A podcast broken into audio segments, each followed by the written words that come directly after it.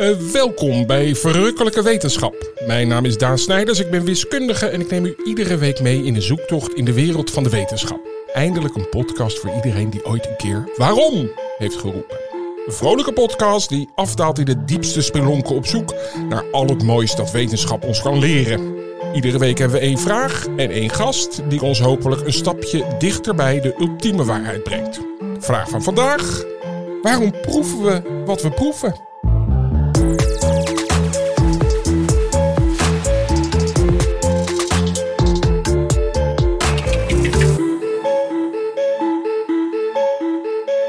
Marlijn. Ja. Vaak zit er ook een associatie bij smaak. Dus uh, misschien heb je een keer toen je heel verdrietig was een, een, een, een pakje tuk opgegeten en blijf je daardoor. ja, maar uh, ik, ik Ja, ben ik even aan het voorsorteren naar mijn verhaal. Namelijk, ik heb een keer uh, leuk in Frankrijk op vakantie. Eh, heel diner, eh kaasfondue. Veel witte wijn, kaasfondue. Altijd gek van kaasfondue geweest. En toen op een gegeven moment ging de discussie erover: is een bepaalde route daar in dat heuvelachtige landschap binnen drie kwartier af te. Ik zeg natuurlijk, dat doe ik. Tien Te uur, fietsen. tien uur s'avonds op de fiets. Ah. Helemaal chockvol met kaasfondue. Wat ik toen lekker vond. Nou, ik weet inmiddels waarom een gemiddelde Tour de France eh, rijder niet vlak voor een bergetappe heel veel kaasfondue gaat eten. Want dat is verschrikkelijk.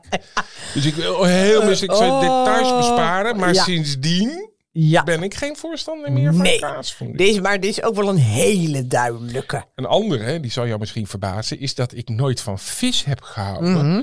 Totdat onze moeder overleed. En toen daarna hield ik wel van vis. Ja. Het is al wat, eh, dat is werk voor psychologen, maar dat. Dus ik eet nu wel vis. Ja, weet ik. Wat is jouw lievelingseten qua smaak? En dat zeg ik er heel duidelijk bij, Merlijn. Niet qua wat je het lekkerste eten vindt, Nee. maar qua smaak. Zie je het verschil? Ja, nee, dat zie ik het verschil.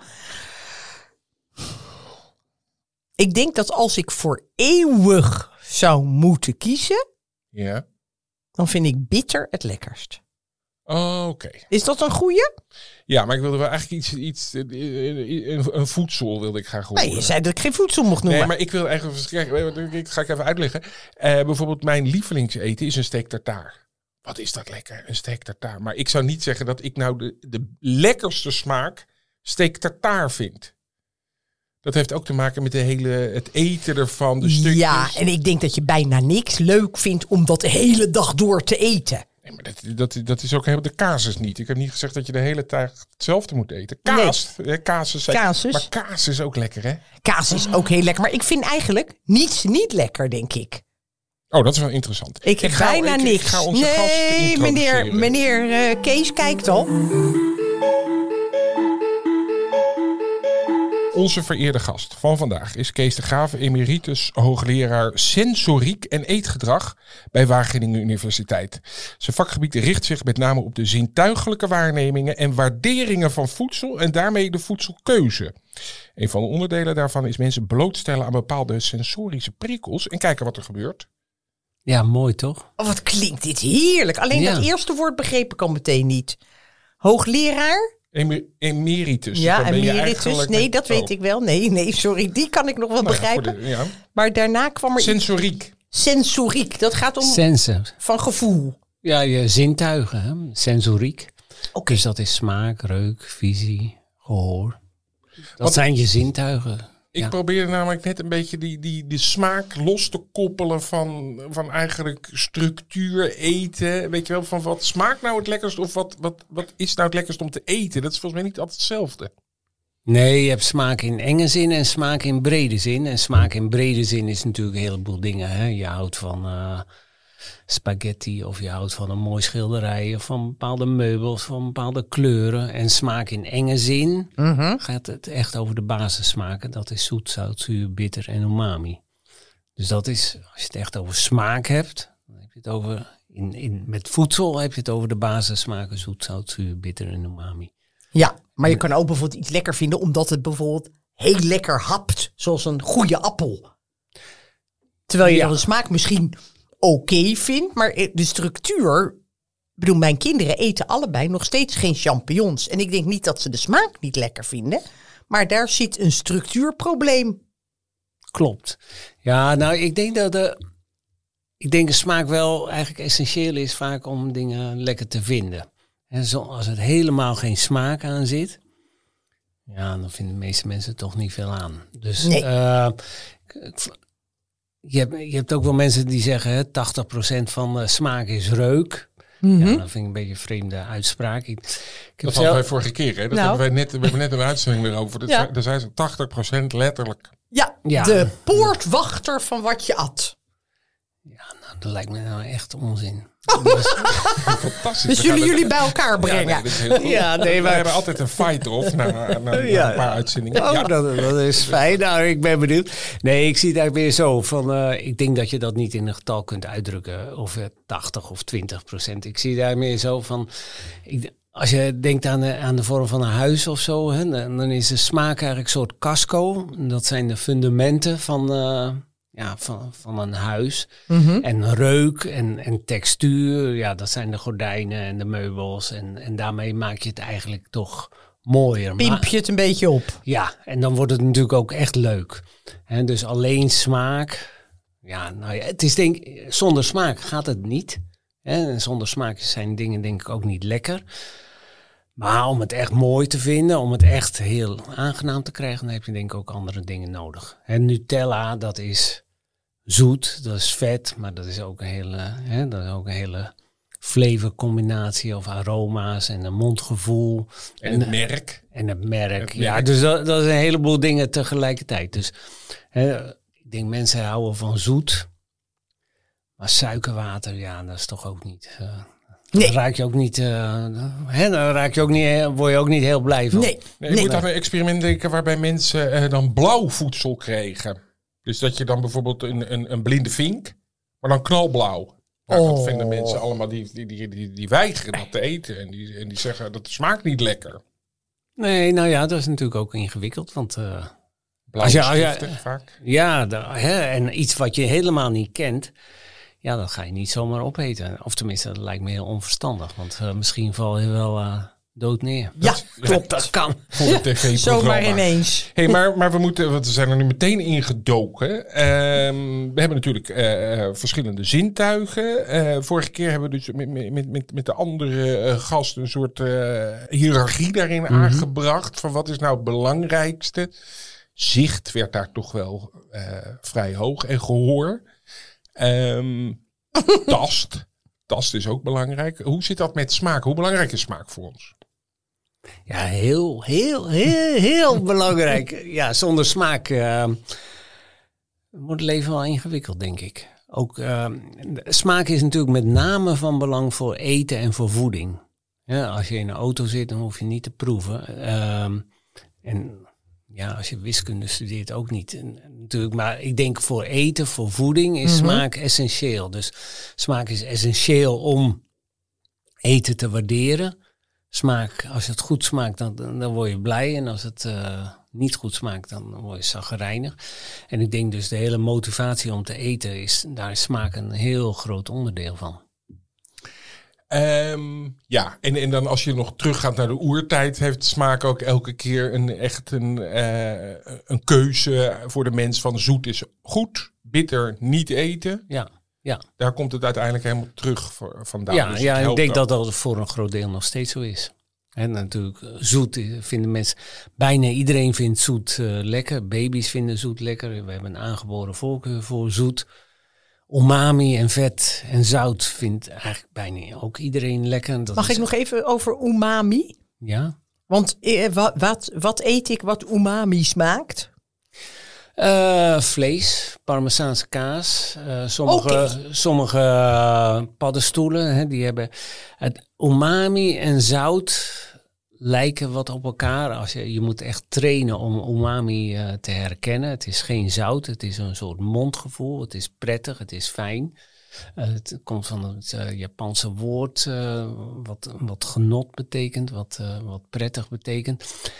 En, en wij hebben veel studies gedaan naar, ehm, zeg maar, waarbij we smaken in, inventariseren van een heleboel voedingsmiddelen. En dan zie je dat eh, zout en umami, dat correleert met punt 8 met elkaar. Dus als iets heel zout is, dan, is, dan zit er vaak ook wel umami bij en omgekeerd. Het is niet hetzelfde. Nee. Ja, eh, Zo'n tukkoekje is, eh, is alleen maar zout. En bouillon, dat is echt umami. Dat, en parmezaanse kaas is ook echt umami. Smaak. Ja. Ja, dus het is, dat zit, het is net wat anders. Het is de smaak van eiwit eigenlijk is het. Dus eh, je hebt dan Mooi. eh, zoet is de smaak van koolhydraten, umami de smaak van, eh, van eiwit, zout is de smaak van zout. Zeg, wij hebben altijd rond deze tijd in onze uitzending een beetje een rare stelling. Rare stelling. En deze week is dat mijn stelling. Namelijk dat water naar niks smaakt. Omdat dat onze baseline is. Ja, dat vind ik eigenlijk wel. Oh, eh, mooi. Dus ja. als onze hele, hele, hele planeet vol cola zou zijn, dan zouden we dat naar niks vinden smaken. Dat is mijn theorie een beetje. Dat is onze nullijn, vind jij? Nee, nee, nee, nee, nee, nee. Oh, nee, nee, nee, Daan. Nee, nee, nee. Nee, want water stimuleert natuurlijk niet je smaaksysteem als zodanig. Dus eh, water smaakt naar niks. Nee, maar dat denk ik dus dat het komt doordat wij daarop aangepast zijn. Maar dat, dat willen we niet onderschrijven. Nee, nee, want ik denk als je water proeft, dan gaat er geen smaaksignaal naar je hersenen. Oké, dus eh, nou, dat, dat is een, een, een mooi bruggetje zoals dat dan heet. Want eh, wa- wat gebeurt er inderdaad als je wat in je mond stopt? Dan proef je dat via je tong. Ja, En eh, eh, ik, het is eigenlijk iets heel recht proeven. Het is een soort interpretatie van... Ja, wat is smaak? Wat is smaak? Ja, en we hadden toch ook delen waarmee je dan proefde? Ja, dat is achterhaald. Oh, dat is achterhaald. Ehm, Oké. Maar hoe, dat, proeven. eh, hoe werkt dat? Dus, je- dus je hebt daar, daar, daar eh, papillen. ja je, hebt, je smaakpapillen, nou die kun je ook een beetje zien hè, als je karnemelk drinkt. Of als je, hè, dan zie je smaakpapillen op je voorste twee derde van je tong. Er zitten ook een aantal papillen achter op je tong. Dat zijn er een stuk of twaalf. En daarnaast heb je dan nog, dat zijn geen papillen, maar er zitten wel smaakcellen in eh, aan de zijkant van je tong. Dus je hebt eigenlijk drie gebieden op je tong waarmee je proeft. Aan de, een beetje aan de voorkant, aan de zijkant en aan de achterkant.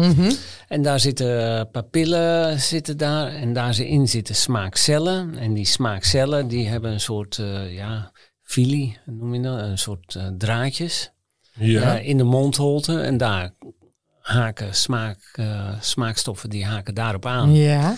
En dat gaat dan van de top van die cel naar de bodem van die cel. En daar zit dan de zenuw van je smaakzintuig. En dat gaat dan eerst naar je hersenstam. En van je hersenstam gaat het naar boven. Leuk. Dan Ja. krijg je een interpretatie. Kan je ook onder een microscoop zien hoe iets smaakt? Nee. Nee, Dus nee, een nee. smaak is niet vast te stellen door ergens naar te kijken, bijvoorbeeld. Nee, nee het, zijn, uh, het is een soort sleutelslot. Hè. Je hebt receptoren voor zoet, je hebt receptoren voor, uh, voor umami, receptoren voor zout, voor zuur. En die hebben allemaal een bepaalde moleculaire structuur. Oké. Okay. En een soort sleutelslot. En je hebt dus ja, receptoren voor zoet, die geven dat signaal door aan de bodem van die cel. En dan gaat er een soort trein naar je, naar je hersenen toe. Eerst naar je hersenstam. En dat is eigenlijk een heel primitief systeem. Hè? Dat als je bijvoorbeeld uh, bitter proeft. Mm -hmm. We zijn net even bitter. Uh, Heerlijk. Okay, Heerlijk. nou, ja, ja, ja. Nou, als je iets heel intens bitter proeft, ja. dan gaat dat naar je hersenstam en dan gaat dat direct als een soort motorische zenuw gaat dat terug om dat eruit te krijgen. Dus ja, dat, uh, daar komt verder geen gedachte meer uh, aan te pas. Dat is gewoon ja, een, een hardwired. Maar dat is echt bitter, niet, niet als in een bitter bal of zo, maar dat is meer als, als je een stuiver gaat likken bijvoorbeeld. Die smaak. Ja, je moet echt, Kopen. als, als je echt intens bitter is, ja, dat vindt denk ik niemand echt uh, lekker. Of tenminste, ja, dan krijg je een automatische respons van om het uit te spugen. Oh, ik, ik heb daar een proefje okay. van. Oh, nou, ik ben er klaar voor. Eén wit papiertje. Ik moet nog even opzoeken hoe het ook weer heette. Dat is een PTC-test. Oh. Maar heeft... Kun je er ook een oh. ja, ja, ja, ja, nee, dat is prima. Uh, dat is een wit papiertje. Oh. En uh, lik er maar eens aan. Wat proef je? Je kijkt heel vies en je zit enorm te smakken. Waarschijnlijk, waarschijnlijk is het bitter. Ja, je kan ook niks proeven. Wat proef je? Ja, ik, ik vind het moeilijk om te duiden wat ik precies proef. Ik proef een prikkeling in mijn mond. Ja, maar nu? Maar... Is het wel bitter? Ja, het is bitter. Ja, het is bitter. En proeft u iets? Nou, niet veel. Nee. nee. Want Slechts 1 op de 10 proeft hier wat. Dat ligt aan je DNA. Maar je, ik proef wel wat. Ja. Ja. En wij zijn natuurlijk ook broer en zus. Ik Jij proefde proeft ook wat? Ja, ik proefde ook wat. Oh. Kunnen we nog eventjes eh Ja. eentje naar de... Naar Doris. Doris. Ja, Doris, moet ook eventjes... kom eventjes. We moeten even iemand hebben die zegt, nou, ik proef helemaal niks. Dus Nee. je rol is nu bekend. Ja. Als het geluid wegvalt, lieve mensen, dan weet u waardoor het komt. Moet ik nou, dit moet ik gewoon Ja. likken. Gewoon Ja. likken aan het thuggie. Doris staat ook te likken. Proeft hij iets aan het papiertje? Beetje bittere smaak. Alsof Heel lichtjes. Maar Heel licht. meer niet dan wel. Oké, meer niet dan Nou, wel. nou, Doris. Oh ja, ik heb echt wel het idee dat ik wat proefde. Ja. Ik vind dat moeilijk om te omschrijven hoor, smaak. ja, dat is ook nog een ding. Je Het is- kan de smaak ook niet goed omschrijven. Nou, daar ben ik het niet mee eens. nou ja, je kan, het niet, je kan het wel omschrijven, ja, maar er zijn geen goede woorden voor. Het smaakt als Nou, aardbei. ja, dat, nee, nee, nee, daar ben ik niet mee eens. Oh. Nee. Want? Nee, nee, ik denk zoet, zuur, zout en bitter, dat zijn Ja, de- die, en aardbei kun je inderdaad niet omschrijven. Dat is natuurlijk met alle geuren, die kun je niet omschrijven. Maar ik denk als je echt iets bitter hebt of een eh, klontje suiker, ehm, ja, iedereen eh, noemt dat zoet. Dus die, Ja, die, nee, dat, dat klopt. Ja, maar wat ik, bijvoorbeeld, Ja. nou wat ik bijvoorbeeld heel moeilijk vind, ik drink wel eens tonic. Mhm. Dan drink ik dat en denk ik, hè, lekker. Of bitter lemon. Dan denk ik, hè, lekker bitter. Maar dan drinkt iemand anders dat en die zegt, jeetje, wat zoet. En dat vind ik dus heel gek, want er zit dus een soort competitie waarschijnlijk, dat het ook nog eens heel erg zoet is. Maar dat ik, dat heb ik dan minder.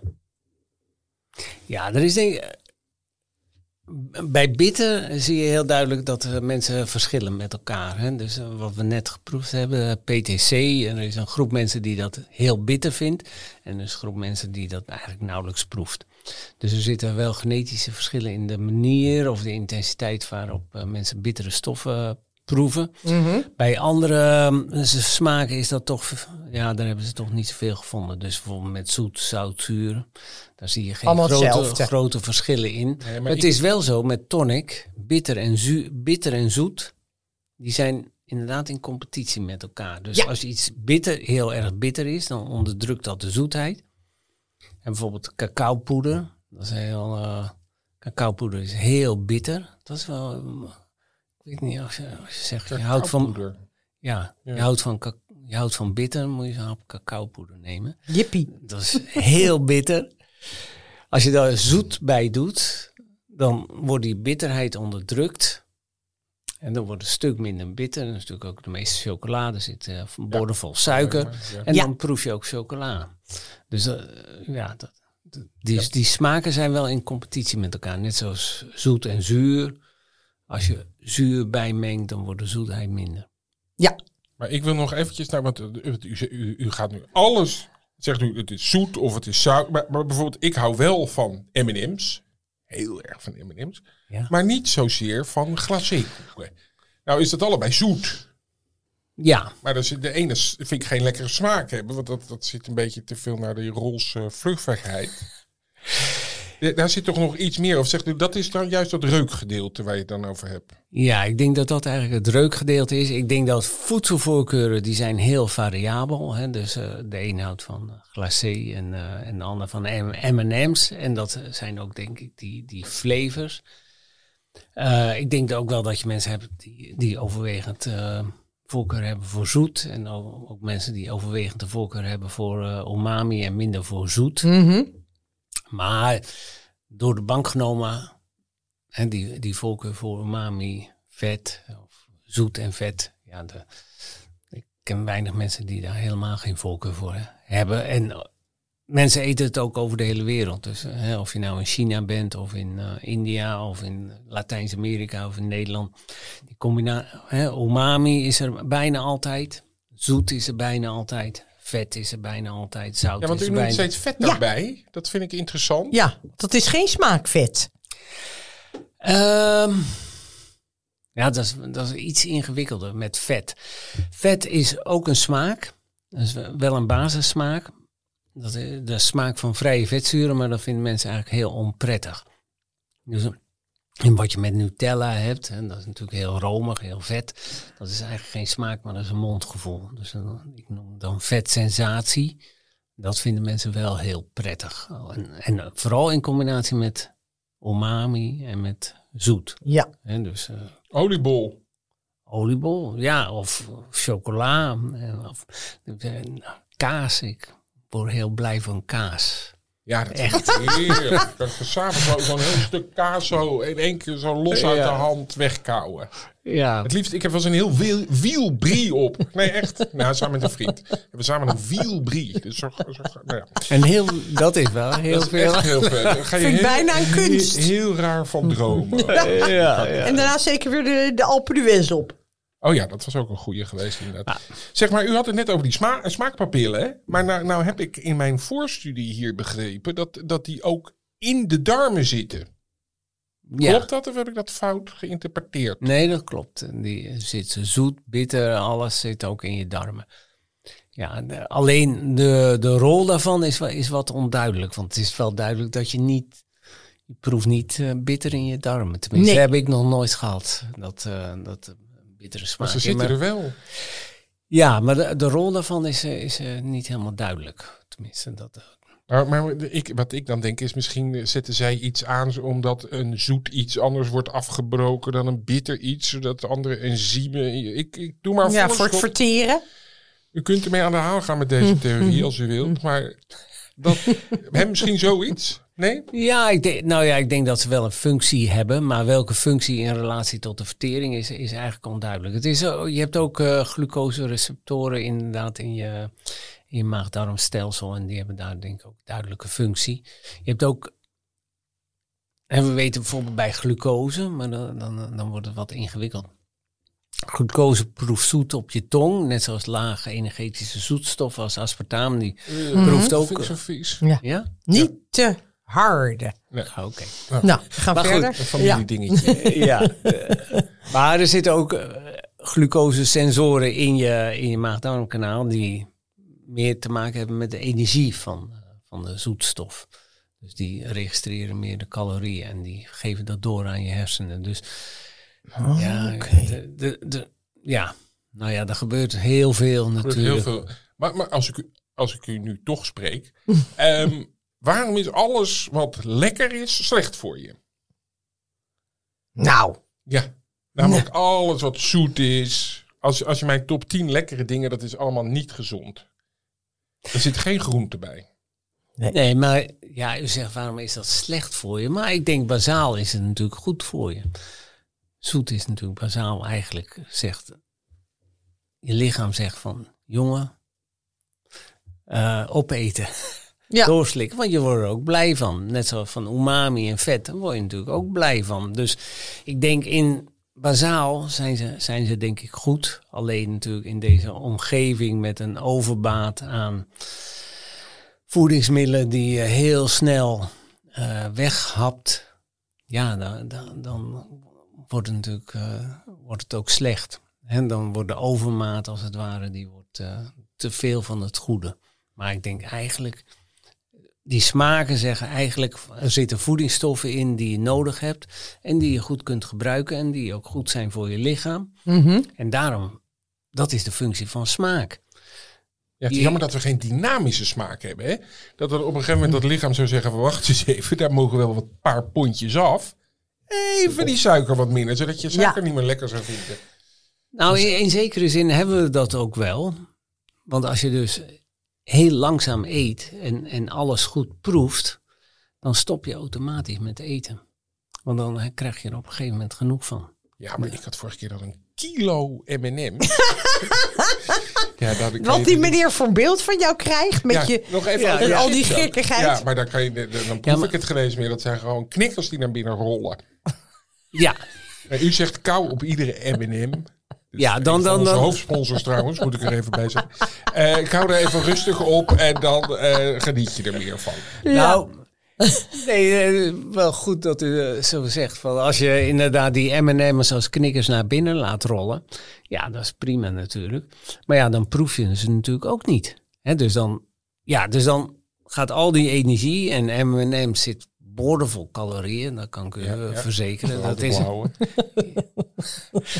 allemaal vet en suiker. Oh. Als je dat naar binnen laat rollen, ja, dan, is eigenlijk niet zo slim. Hè? Want je, je, je hebt natuurlijk dan niet het plezier ervan. Nou, ik heb er wel plezier van. Ook als ze naar binnen rollen. Ja. En dan al dat suiker en vet wordt omgezet Ja, in... eh, therapeutisch allemaal, maar dat, hoe meer, hoe beter.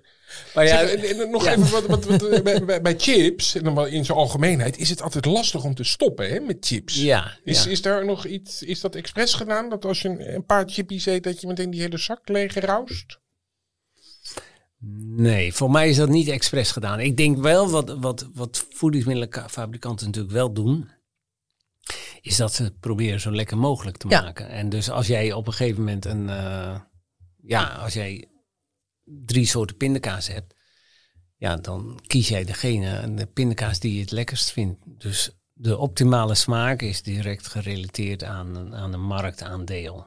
Dus het is heel duidelijk dat mensen datgene kiezen wat ze het meest lekker vinden en datgene wat ze minder lekker vinden, ja, dat kiezen ze niet. Dus ik denk dat fabrikanten wel heel erg selecteren op En dat is dan zoet vaak, toch?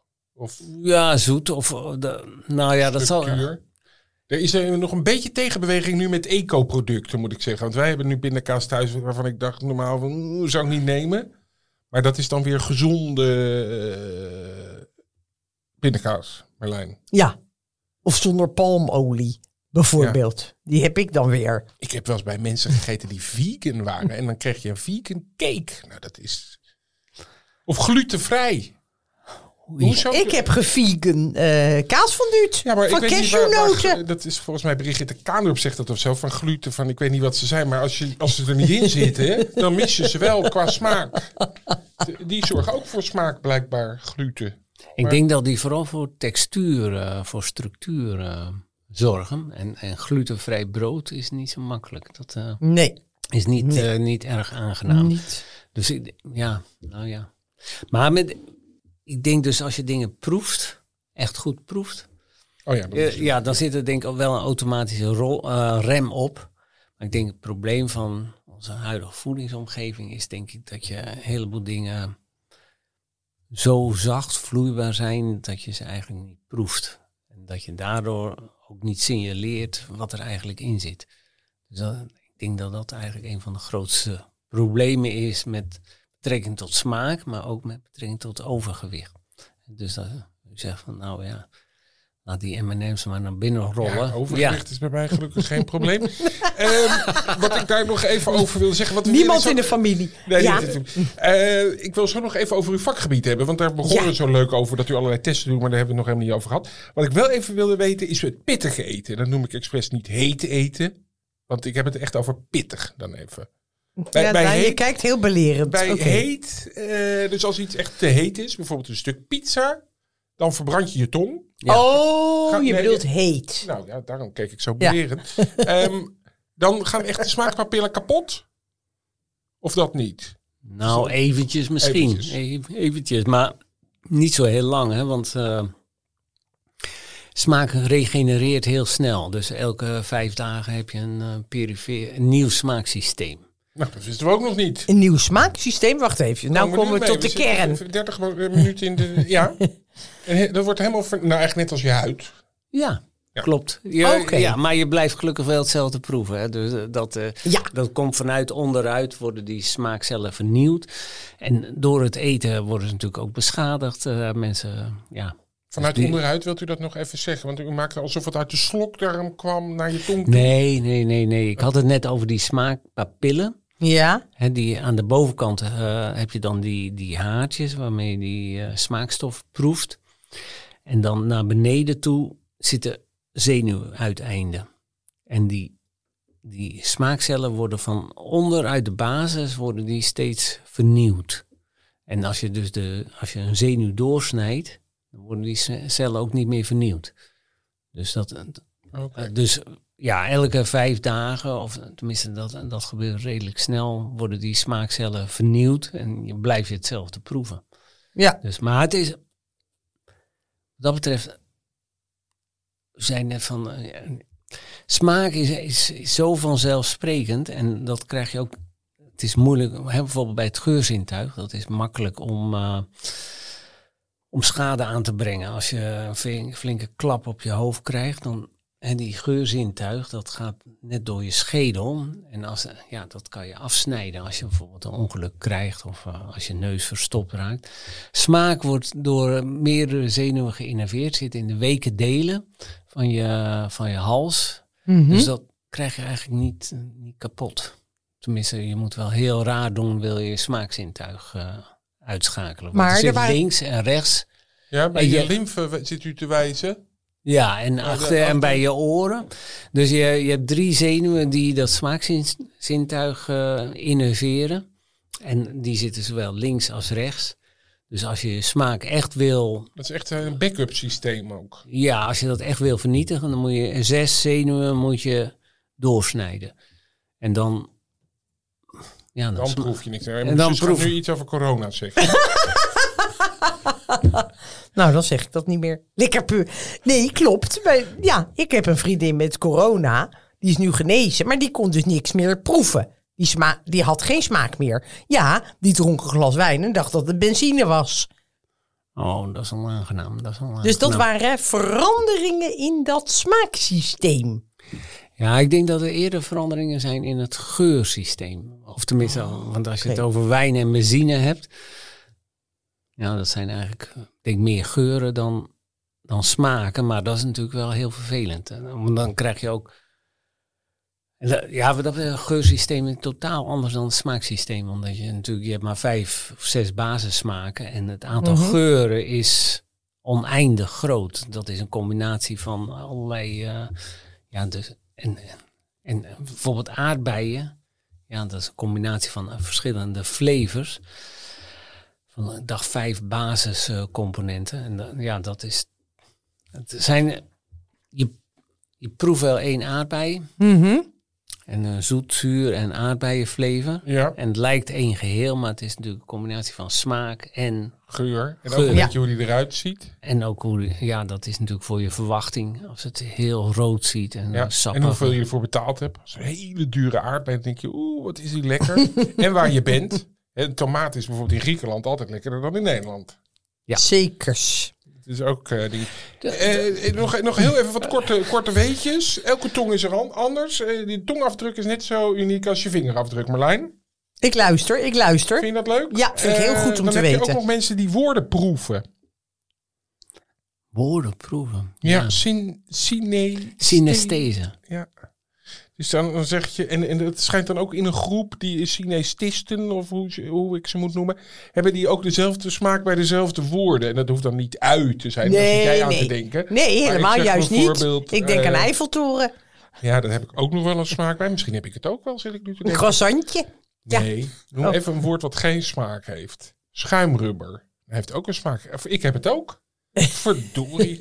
Nou. Nou, dat, dat zijn bijzondere mensen. Hè? Ja. Ja. Maar ja, een houtsmaak. Maar, maar die associëren ook heel anders. Hè? Want ik ga natuurlijk meteen aan het materiaal denken waar het van gemaakt is. Maar, maar, deze bijzondere groep heeft echt gewoon een hele specifiek... Proeft het ook, hè? ja. Proeft Oh, dit bestaat echt. Ja, en ik zit dat niet te verzinnen. Oh. En wat ik nog heel eventjes wilde zeggen... is dat je dus op eh, grotere hoogte... als de luchtdruk lager is, dan proef je minder. Dus daarom heb je in eh, vliegtuigen... eh, het eten is, wordt daar veel zouter en pittiger gemaakt... Dus als je dat gewoon op zeeniveau zo opeten, dan zeg je, oeh, veel te zout. Terwijl als je boven in de lucht zit, Vind je het nog slap? vind je het nog slap. Ja. En daardoor is ook eh, de opkomst van de tomatensap. Ik neem in een vliegtuig ook altijd tomatensap. En verder nergens. Maar dat schijnt een hele goede. Die zijn op elke hoogte. Dat is ook een van onze hoofdsponsoren. Tomatientje. Eh, op elke hoogte smaakt dat nog hartstikke lekker. Ja. ja. Oké. Nou, Maar nu gaan we naar het onderzoek. Juist, daar hadden we, dat Ja. hadden we beloofd. Want u, u heeft eh, onderzoek gedaan ook dus naar, naar, naar, naar externe prikkels die dan het, het smaakvermogen eh, beïnvloeden, moet ik het zo zeggen, de omgeving. Nou ja, ik denk, de voedselomgeving is natuurlijk alles bepalend van, ja, van wat je proeft. Ja. En eh, wat voor soort experimenten deed u dan met eh, proefpersonen? Hoe vind je dat leuk? Ja, heel geestig. Nou ja, we hebben, honderden studies gedaan met, eh, met smaak. Veel studies die, eh, we hebben veel studies met kinderen gedaan, met ouderen, met, eh, ook met heel veel verschillende soorten voedingsmiddelen. Dus kijken van, ja, hoe reageren mensen daar nou op? Mhm. Dus, En, en is dat dan eh, bijvoorbeeld in, in een ziekenhuis eh, zal eten anders smaken dan bij je thuis? Is er dat soort dingen daar dan uitgekomen? Is, is dat. Ook, ook. We hebben, ja, nou, ik, ik heb verschillende onderzoekslijnen. We hebben veel gekeken naar smaak en geur bij, eh, bij ouderen. En eerst gekeken van, nou, kun je eigenlijk die smaak aanpassen aan, zeg maar, het profiel van ouderen. Hè? Ouderen ruiken of proeven minder. Kun je dan wat bij aan toevoegen en gaat het dan beter. Mhm. Hebben we eerst wel geprobeerd. Het kwam ook eerst goed uit. Hebben we geprobeerd te herhalen, maar er kwam eigenlijk niks uit. Dus dat hebben we op een gegeven moment opgegeven. Eh, Maar wat was het doel daarvan? Want u wilde ze dat ze wat meer gingen eten of zo? Ja, ja, ja, wat je ziet natuurlijk bij de meeste mensen is, eh, die eten te veel. Maar ouderen bijvoorbeeld in verpleeghuizen eten juist te weinig. Dus daar wil je eigenlijk wat voor doen, dat Ja. die meer gaan eten. Wat we toen wel gedaan hebben een keer, en dat, dat vond ik zelf wel heel mooi onderzoek, was dat we hebben gekeken naar niet zozeer de smaak, maar de ambiance van, van eten. Wat we toen zagen, dat was in het begin van deze eeuw, eh, 90 jaren, dat veel eten in verpleeghuizen werd opgediend in, eh, op eh, tableaus, hè, op dienbladen. En dan, Ja. ja. dan kreeg je zo toetje en... en Met van die vakjes. ja, en uh, hoofdgerechten kreeg je allemaal op één, één, één bak. Ja. En dan kwam zuster langs en Huppakee. Dag mevrouw Jansen, eet smakelijk. Ja, nou dat is niet helemaal optimaal. Hè, omdat, dus wat we toen gedaan hebben, in een studie hebben we toen ehm, ja, de ambiance veranderd. Waarbij we gewoon tafelkleden hebben, eh, echt bestek. Mensen bij elkaar aan tafel, aandacht voor het eten. Gezamenlijk beginnen met eten en niet eh, achter elkaar. Hè, dus zoals je eigenlijk in een familie eh, gewoon aan tafel eh, gaat eten. En het bijzondere was, dat hebben we in vijf verpleeghuizen gedaan. Eén ambi ambiance sfeer. Eh, niet, het eten was allemaal hetzelfde. Je zag dus na een half jaar dat ja, mensen in die ambiance groep een betere kwaliteit van leven hadden dan in de controlegroep. En dat is later ook overgenomen door heel veel eh, verpleeghuizen. Maar Ja. betere kwaliteit van leven bedoelt u ook dat ze het lekkerder vonden? Dat, dat vraag ik me af. Vonden ze het eten lekkerder? Ze aten er meer van. We hebben niet gevraagd of, we- of ze het lekkerder vonden, maar ze aten er wel meer van. En ze hadden, ja, waren ook iets zwaarder dan de ouderen die in de controlegroep zaten. Nou, dat vind ik wel mooi. Nou, Ja. Er is ook een, een McDonald's in, eh, in Washington D.C. Een hele dure McDonald's. En dan krijg je het ook op een bord met bestek. Vind ik ook wel mooi. Want daar zijn ze natuurlijk ooit van afgegaan om het gewoon lekker zo eruit te kieperen. Maar daar kan je dan heel duur een Big Mac eten. Met mes en vork. Ja, nou ja, het, eh, het zal dan in ieder geval wat langzamer gaan. Ja. Dus dat, dat, Ja. Kijk, beter. McDonald's, natuurlijk veel van die fastfoodrestaurants zijn natuurlijk echt ingericht met ongemakkelijke stoeltjes, met felle kleuren. Ja, zodat je er snel ingaat, maar ook weer snel uitgaat. ja, plek voor een ander. Ja. En dat, dat- ja, nou ja, dat is natuurlijk net.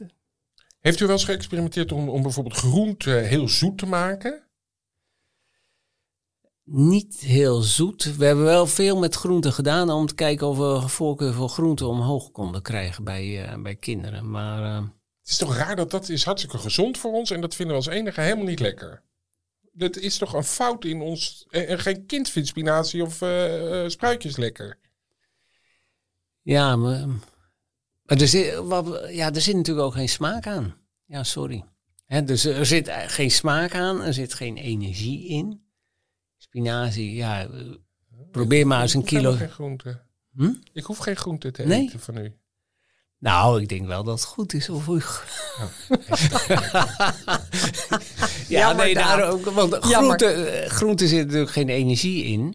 Dus als je veel groente eet, ja, dan eet je misschien minder van, van andere zaken waar wel energie in zit. Wat bedoelt u met geen energie in groente? Dat er alleen vitamine of zo in zit? Ja, er zitten vitamine en mineralen in, maar er zitten geen calorieën in. Oké. Dus als Nee. je een kilo eh, spinazie eet, ja, dan, zi- dan, dan zitten bijna geen calorieën in, misschien 50 calorieën. Dus ja, dat is een enorme berg.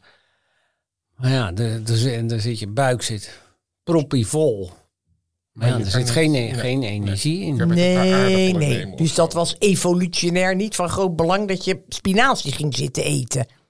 Nee, nee, klopt. Of tenminste, ja, als je honger had en je had spinazie, dan had je daarna nog steeds honger. Ja. Dus bijna alle groenten hebben eigenlijk geen, niet echt een smaak. En daarom combineren we natuurlijk ook groenten bijna altijd eh, met, eh, Met een kaassaus. Zoiets. Of een, of een slaasaus. Of, eh, maar ik heb eigenlijk nog weinig mensen gezien die alleen een krop sla aten. En zonder er iets bij. Nee, daar moet een dressing op. Ja. Nou, ijsbergsla. Maar dat is gewoon water eigenlijk, met een groen laagje. Nou, we hebben, dus, we hebben dus een studie gedaan inderdaad met eh, allerlei, eh, de tien meest gegeten groentes in Nederland. Mhm. Sommige daarvan hebben we gekookt, sommige hebben we gebakken, eh, andere hebben we geperst. Dus dan kreeg je ijsbergslaasap of, eh, nou ja, hè, of uh, spersiebonensap. En die hebben we allemaal laten proeven. Ja, en dan, dan zit er gewoon heel weinig smaak aan. Ja, het spijt me. Maar eh, het is wel goed voor je, omdat natuurlijk zo weinig energie in zit. En het waarschijnlijk daarom andere voedingsmiddelen ook verdrinkt. En er zitten natuurlijk wel vi- vitamines, mineralen in, vezels Ja, zitten erin. anti-groente, dat is duidelijk. Maar, maar neem er wel een, een aardappeltje bij, bijvoorbeeld. Of een stukje vlees. Nee. Of, of, of eh, eh, vleesvervangend. vleesvervangend. achtige dingen. Dank u. Nee, ik ben helemaal voor groenten. Dat lijkt me, Oké. lijkt me, lijkt me helder. Nou, prachtig om mee af te sluiten. Eh, meneer De Graaf, ontzettend bedankt voor uw komst. Ik praat nog even... Wacht ja, eventjes. Oh, ik had nog een vraag op de valreep. zus. Wat is jouw vraag op de valreep? Nou, of mensen ook andere smaken kunnen hebben. Of proef je eigenlijk altijd hetzelfde? Als u zegt, Marlijn, dit is bitter, zal ik dan ook... Je hebt nooit andere... Nee, dat denk ik niet. De smaken verschillen, dat is niet over de smaak die we proeven. Heel weinig, heel weinig. Ik denk wa- wat je natuurlijk. We hadden het net over eh, een hele. Geur is wat dat betreft al eh, totaal anders. Hè? Smaak. Als ik u iets zoets geef, dan ja, dan iedereen proeft dat zoet of bitter. Dat, bij geur is dat, is dat anders. Als ik, en er zijn ook wel studies gedaan met bijvoorbeeld de geur van zweetvoeten. En dan kun je natuurlijk ook zeggen, nou dat is eh Parmezaanse kaas. Of zo, een hele Ja, exclusieve Parmezaanse kaas. En dan als je zegt van zweetvoeten, dan denk je, gadverdamme. Als je zegt par Parmezaanse kaas, dan denk je, wauw. Ja, Hè, dus geur heeft een heel... daar kun nou, je ook de- mee foppen. dan kun je, ja, net zoals dat iemand hè, met een fles wijn, ja, dan weten mensen ook niet zo goed wat ze daarmee moeten, wat ze, wat ze daarmee mo- aan mee moeten. Dus ja, de prijs van wijn is da- daarom ook van invloed op hoeveel. Ja, Ja, ik, denk, ik vind meestal goedkopere wijn lekkerder, omdat die wat niet zo eh, uitgesproken zijn. Maar ja, hoe je echt iets proeft, Marlijn, en dan gaan we nu echt afronden. Dat is natuurlijk eigenlijk hetzelfde als wat, welke kleur je ziet. Zie jij groen net als ik groen zie? Misschien zeg jij wel blauw. Zeg je dat het groen is? Kom ik nooit achter. Ja, ja, ik snap hoe, dat je dat bedoelt. Ja, oké. Nou, ik ga er nog heel even over nadenken, over dit laatste opmerkingje van jou. Weer iets opgestoken? Zeker, vooral eh, dat eh, fysieke van die eh, smaakpapillen en zo. En dat daar drie plekken zijn. Ja, dat vond ik ook Vond het, interessant. en achter je oren en hier zo, bij je lymf. Wat was het? Ja, hè? Ja, en daar ben je oren. En ehm, is er nog iets lekkers? Wat, wat is nou jouw lekkerste eten? Want heb je Nou ja, die M&M's. Ik zat, Ja. terwijl jij dat verhaal vertelde, heb ik eerlijk gezegd een keer op een verjaardag, had iemand dus ook zo'n hele grote emmer gevuld. Die stond naast mij. voor, de, voor, de, voor alle 44 Voor gasten. alle gasten er lekker. drie op dezelfde dag jarig waren. ja. Met een hele hoop kinderen. En ik zat naast die emmer. En op een gegeven moment komt iemand naar mij toe en die zegt M&M'tjes. Ik zei, ja, die staan hier. Nou, er lagen geloof ik nog vier in. En ik was dus de enige die, net zoals jij, knikkertje voor ja, knikkertje. wij kunnen heel snel eten. hè. En ja, Want we hebben ook een keer gehad dat mijn vrouw naar, in bad ging. En toen zijn wij samen een, een cake gaan bakken. En die was toen ze uit bad kwam. En ze gaat helemaal niet zo lang. afgebakken, afgekoeld, opgesneden en veroorderd. Er stond alleen nog een lege plank. ja Goed, dat zijn mensen wij. mogen reageren. Ja, masse. verrukkelijke wetenschap. at kortimedia.nl Kortie met een C. En abonneer u op de podcast. Verrukkelijke podcast. Ja, Van Verrukkelijke Wetenschap. een verrukkelijke abonnement. Dat eh, raden Oh, dat we u moet ik aan. zeggen. Ja, dat, dat ding is. En eh, het is voor ieder, iedere smaak zit er wel iets tussen. Zou ik willen zeggen. Oké, nou hartstikke bedankt. En dan eh, volgende week weer een mooie gast. Fantastisch.